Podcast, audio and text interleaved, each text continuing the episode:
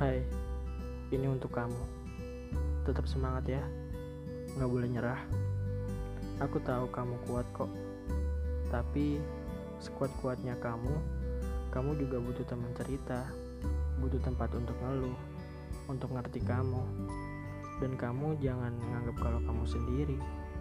Lihat, masih banyak banget yang peduli sama kamu.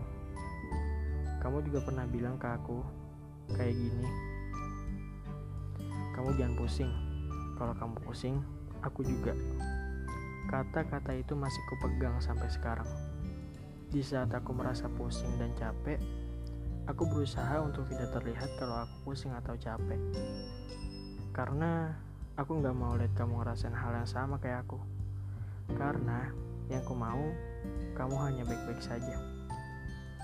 Nggak apa-apa, beristirahatlah. Semoga lelah kamu menjadi lillah.